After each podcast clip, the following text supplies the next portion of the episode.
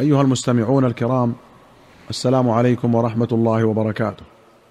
كتاب الأطعمة. أخرج البخاري ومسلم رحمهما الله عن أبي هريرة رضي الله عنه قال ما عاب رسول الله صلى الله عليه وسلم طعاما قط إن اشتهاه أكله وإن كرهه تركه. ولمسلم قال ما رأيت رسول الله صلى الله عليه وسلم عاب طعاما قط. كان إذا اشتهاه أكله وإن لم يشتهه سكت. قال النووي هذا من آداب الطعام المتأكدة. وعيب الطعام كقوله مالح قليل الملح حامض رقيق غليظ غير ناضج ونحو ذلك. وأما حديث ترك أكل الضب فليس من عيب الطعام إنما هو إخبار بأن هذا الطعام الخاص لا أشتهيه. وأخرج البخاري عن أبي جحيفة السوائي رضي الله عنه قال كنت عند رسول الله صلى الله عليه وسلم فقال لرجل عنده لا آكل متكئا. أو قال وأنا متكئ. المتكئ هو المائل على أحد شقيه. وقال الخطابي كل من استوى قاعدا على وطاء فهو متكئ. وسيأتي أنه صلى الله عليه وسلم كان يأكل جالسا على الأرض ليس بينه وبينها وطاء. وأخرج مسلم عن أنس قال اتي النبي صلى الله عليه وسلم بتمر فجعل يقسمه وهو محتفز يأكل منه اكلا ذريعا وفي رواية اكلا حثيثا. قال ورأيت رسول الله صلى الله عليه وسلم جالسا مقعيا يأكل تمرا. قوله محتفز أي مستعجل مستوفز غير متمكن في جلوسه. كهيئة من يريد القيام وقوله مقعيا أي جالسا على أليتيه ناصبا ساقيه. وهذا يوضح ما فسره الإمام الخطابي رحمه الله فإنه قال المتكئ هو المتمكن في جلوسه من التربع وشبهه المعتمد على وطاء تحته. وأخرج البخاري عن أنس قال لم يأكل رسول الله صلى الله عليه وسلم على خوان حتى مات وما أكل خبزا مرققا حتى مات.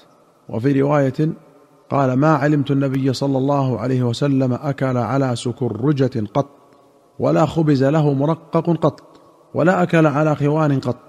قيل لقتادة فعلى ما كانوا يأكلون قال على السفر الخوان طبق كبير مرتفع يوضع عليه الطعام والخبز المرقق قال عياض هو الملين المحسن ولم يكن عندهم مناخل وقد يكون المرقق الرقيق الموسع.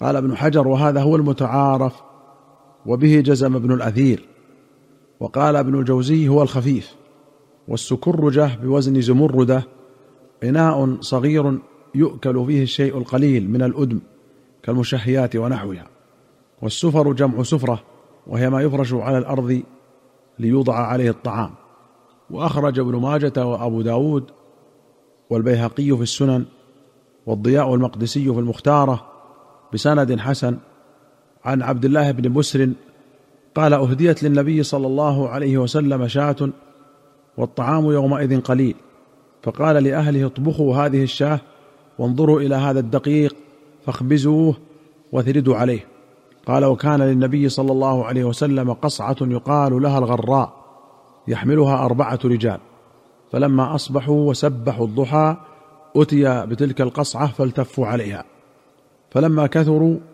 جثى رسول الله صلى الله عليه وسلم. فلما أصبحوا وسبحوا الضحى أتي بتلك القصعة فالتفوا عليها. فلما كثروا جثى رسول الله صلى الله عليه وسلم فقال له أعرابي ما هذه الجلسة؟ فقال رسول الله صلى الله عليه وسلم إن الله جعلني عبدا كريما ولم يجعلني جبارا عنيدا. ثم قال صلى الله عليه وسلم كلوا من جوانبها ودعوا ذروتها يبارك فيها. ثم قال كلوا فوالذي نفس محمد بيده لتفتحن عليكم أرض فارس والروم حتى يكثر الطعام فلا يذكر اسم الله عليه.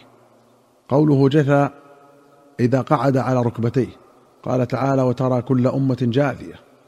وأخرج مسلم عن حذيفة بن اليمان رضي الله عنهما قال كنا إذا حضرنا مع النبي صلى الله عليه وسلم طعاما لم نضع أيدينا حتى يبدأ رسول الله صلى الله عليه وسلم فيضع يده.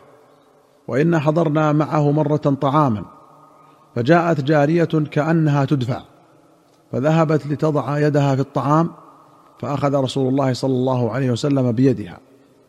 ثم جاء أعرابي كأنما يدفع فذهب ليضع يده في الطعام فأخذ بيده. فقال رسول الله صلى الله عليه وسلم إن الشيطان يستحل الطعام ألا يذكر اسم الله عليه وإنه جاء بهذه الجارية ليستحل بها فأخذت بيدها فجاء بهذا الأعرابي ليستحل به فأخذت بيده والذي نفسي بيده إن يده في يدي مع يدها ثم ذكر اسم الله وأكل. قال النووي فيه استحباب التسمية في ابتداء الطعام وهذا مجمع عليه. ويستحب حمد الله تعالى في آخره كما سيأتي. وكذا تستحب التسمية في أول الشراب بل في أول كل أمر ذي بال.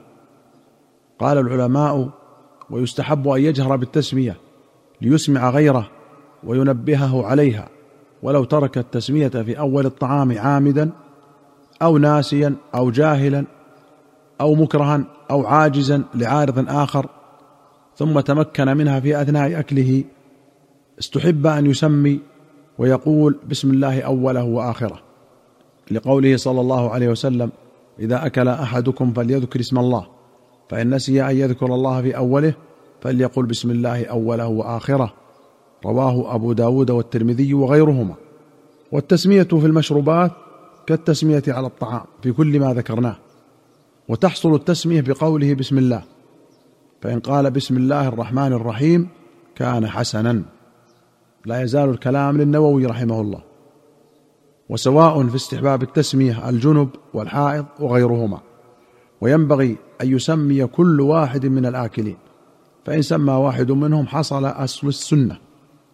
ثم الصواب الذي عليه جماهير العلماء أن هذا الحديث وشبهه من الأحاديث الواردة في أكل الشيطان محمولة على ظواهرها وأن الشيطان يأكل حقيقة. إذ العقل لا يحيله والشرع لم ينكره بل أثبته فوجب قبوله واعتقاده والله أعلم. قال رحمه الله قوله مع يدها هكذا هو في معظم الأصول يدها وفي بعضها يدهما. وأخرج مسلم رحمه الله عن جابر رضي الله عنه أن رسول الله صلى الله عليه وسلم قال إن الشيطان يحضر أحدكم عند كل شيء من شأنه. حتى يحضره عند طعامه. فإذا سقطت لقمة أحدكم فليأخذها فليمط ما كان بها من أذى وليأكلها. ولا يدعها للشيطان ولا يمسح يده بالمنديل حتى يلعقها أو يلعقها فإنه لا يدري في أي طعامه البركة. وفي رواية أن النبي صلى الله عليه وسلم أمر بلعق الأصابع والصحفة وقال إنكم لا تدرون في أي طعامكم البركة.